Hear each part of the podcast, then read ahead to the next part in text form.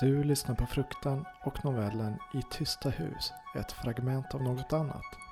Skriven av Christian Enberg och uppläst av Andreas Rosell. Ynglingen hade inte tänkt gå in i huset. Det brukade inte finnas något värt att ta i det här området. Han stirrade på de mörka fönstren. Vägde att hoppa över det vita staketet. Samma staket som fanns framför alla de andra husen. Stora tegelvillor byggde i ett område som två fyrkanter. En inre och en yttre. Huset han stirrade på var ett av de mindre. Långt att springa om det blev nödvändigt och han såg inte de andra.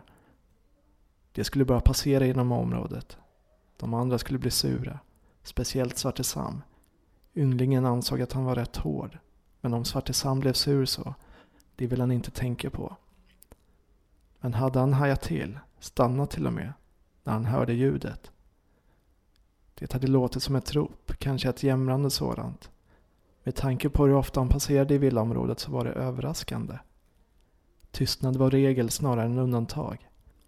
Han tänkte att han var jävligt dum nu när han hoppade över staketet. Men revolven som låg tung mot hans sida drev bort de värsta obehagskänslorna. Kanske hade Svarte Sam inte bankat ur honom all dumdristighet.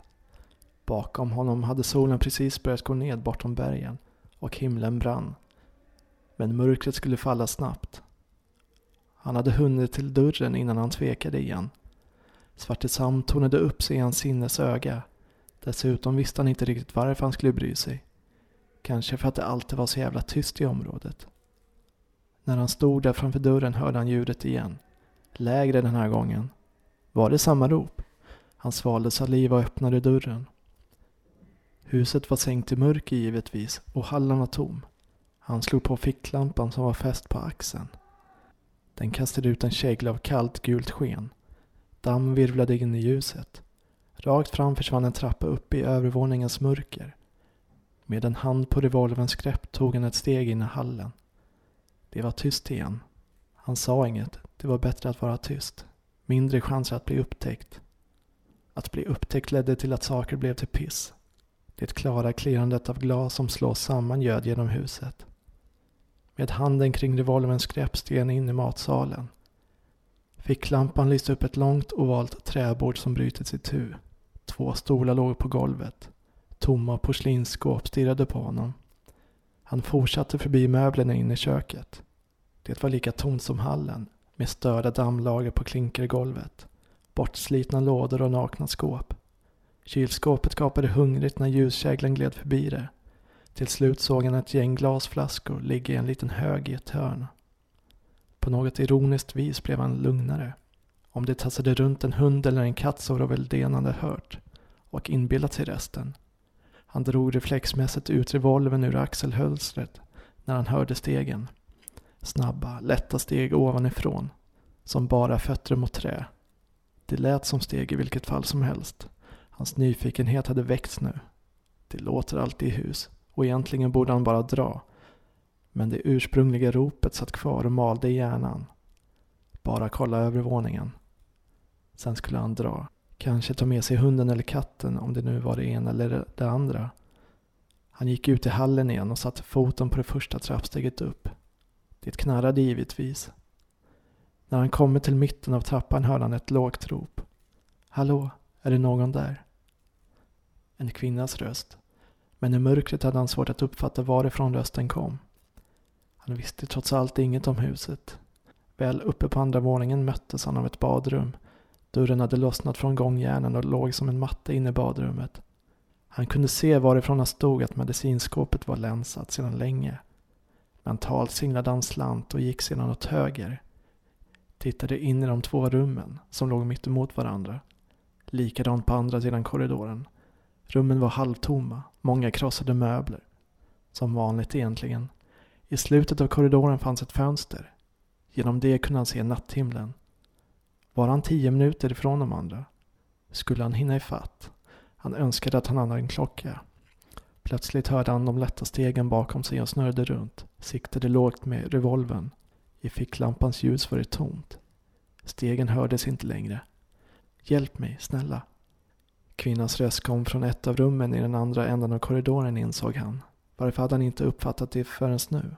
Han gick sakta ned för korridoren. Kvinnan ropade igen och igen. Hallå, är det någon där? Snälla hjälp mig. Kvinnans röst kom från bakom en stängd dörr. Dörren mittemot var bortsliten. Ynglingen kikade kvickt in i det rummet. Tomt. Bra. Nu koncentrerade han sig på den stängda dörren. Hade någon eller några lämnat henne i huset för att komma tillbaka senare? Han siktade med revolven samtidigt som han öppnade dörren. En tanke slog honom när ficklampans ljuskägla föll in i det som en gång varit ett sovrum. Om kvinnan behövde hjälp, hur kunde hon ha sett honom från fönstret? Tänk om det var en fälla? Mörkret verkade mer påtagligt i rummet. Till slut såg han ett ansikte. En blek ung kvinna men ganska söt. Borde hon inte vara smutsig? Ansiktet öppnade munnen. Hjälp mig bara. Utan att röra på läpparna. Som om det var en mask. Ynglingen kände kyla jaga upp längs ryggraden. Flera bleka ansikten började synas i ficklampans ljus. Män, kvinnor och barn, uttryckslösa med öppna munnar. Snälla, hjälp mig, ropade ansiktena i olika röster.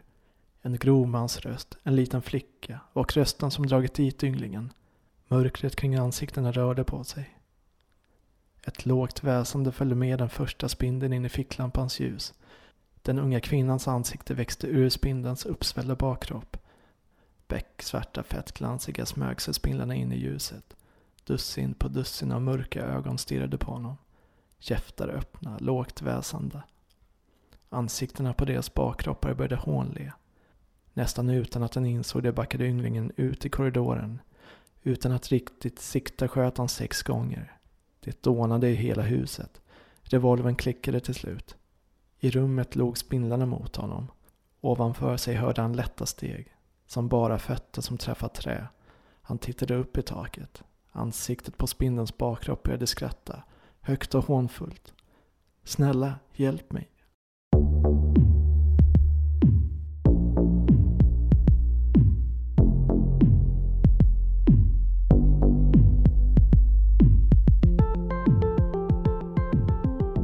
Du har lyssnat på en novell av Christian Enberg och Fruktan. Fler noveller hittar du på fruktan.se.